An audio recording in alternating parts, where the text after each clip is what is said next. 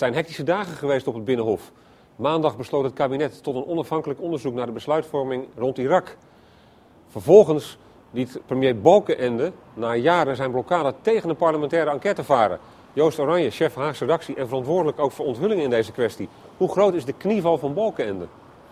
Nou, uh, ja, groot natuurlijk als je het vergelijkt met uh, hoe de situatie was een week geleden. Want toen was er nog een hele uh, duidelijke blokkade.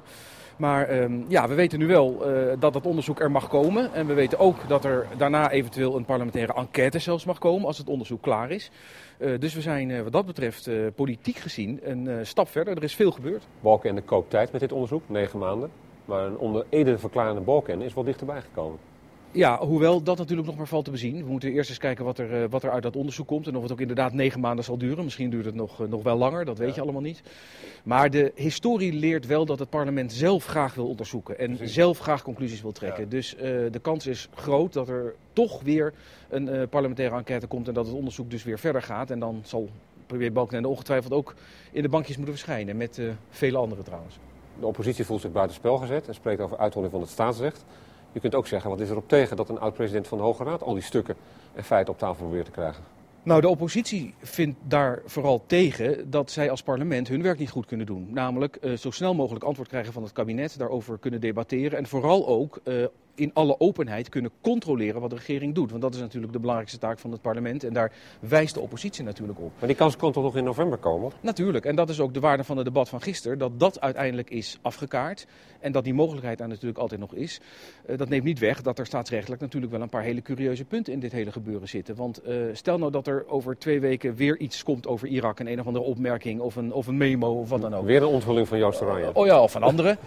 want er zijn ook andere media geweest die dat, die dat ja. gedaan hebben. Die dat hebben bijgedragen. Maar stel dat dat gebeurt en de, en de Kamer wil daar vragen over stellen, dan krijg je toch een rare situatie. Want dan gaat het kabinet zeggen van nou, we geven u wel antwoord, maar pas over negen maanden. En dan ook nog via de band van de commissie Davids. Dus dat is staatsrechtelijk Wat gebeurt beetje, er dan in zo'n situatie? Stel ja, dat, dat is natuurlijk het moeilijke van het staatsrecht. Hè. Het staatsrecht is niet zoals het strafrecht, waarbij je een straf kan opleggen als het ja. niet mag. Op een gegeven moment houdt het gewoon op. We hebben dat ook gezien toen mevrouw Verdonk hier gewoon bleef zitten als minister, terwijl het staatsrechtelijk eigenlijk niet kon. En ja, zolang een meerderheid van de Kamer maar blijft instemmen met de handelingen van de Kamer, dan blijft die situatie zoals die is. Maar het blijft wel ja. een hele curieuze situatie. Nu heb je zelf onlangs ook een memorandum onthuld van juristen van Buitenlandse Zaken, waarin zij zeg maar vijf weken na de inval de juridische basis voor die inval aanvechten. Denk je dat er nog meer van dat soort stukken zijn? Dat weet ik wel zeker, want daar hebben we ook over gepubliceerd. Uh, ambtenaren van Buitenlandse Zaken hebben ook al eerder deze uh, kritische geluiden laten horen. En niet alleen zij, ook uh, collega-directeur juridische zaken van het ministerie van, ministerie van Defensie heeft dat al gedaan, voor de inval.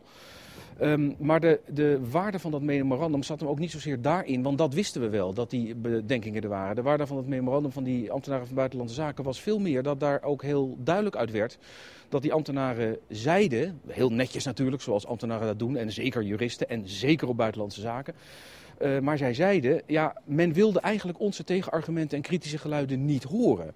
En dat is natuurlijk toch wel een heel belangrijk aspect om verder uit te zoeken. Hoe is dat gegaan? Was er wel genoeg ruimte voor kritische geluiden? Werd dat inderdaad onder tafel geschoffeld en waarom was dat dan? Liep Nederland te hard achter Amerika aan en wat was daarvan de oorzaak? Ja. Nou, dat is allemaal interessante informatie om uit te zoeken en om ook te boekstaven voor de, voor de historie. Doordat de zaak wordt opgeschoven in de tijd, is de kans groot dat het allemaal onderdeel gaat worden van de nieuwe verkiezingen.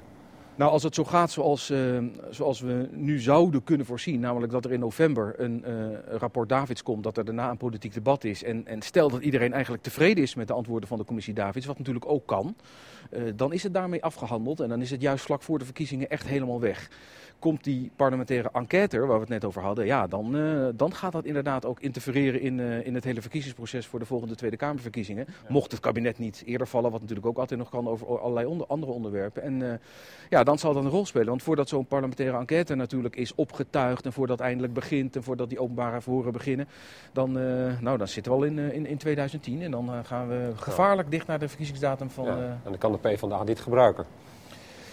Ja, maar ook de andere partijen. En we weten natuurlijk ook niet wat uh, er uit het onderzoek van de heer Davids en eventueel uit de parlementaire enquête zal komen als het gaat over de rol van de PvdA destijds in 2003 toen die politieke steun was. Want je weet, er was een demissionair kabinet. Uh, er waren lopende onderhandelingen met de Partij van de Arbeid om een kabinet te vormen wat overigens later mislukte. En er gaan nog steeds vele verhalen over hoe dat toen nou precies gegaan is en wat de opstelling van de Partij van de Arbeid was. Dus ik denk niet dat uh, als het echt gepolitiseerd wordt in die sfeer, dat dat, dat zich uh, alleen beperkt zal houden tot uh, Balkenende en het CDA. Ik denk dat dan meerdere partijen daar last van gaan krijgen.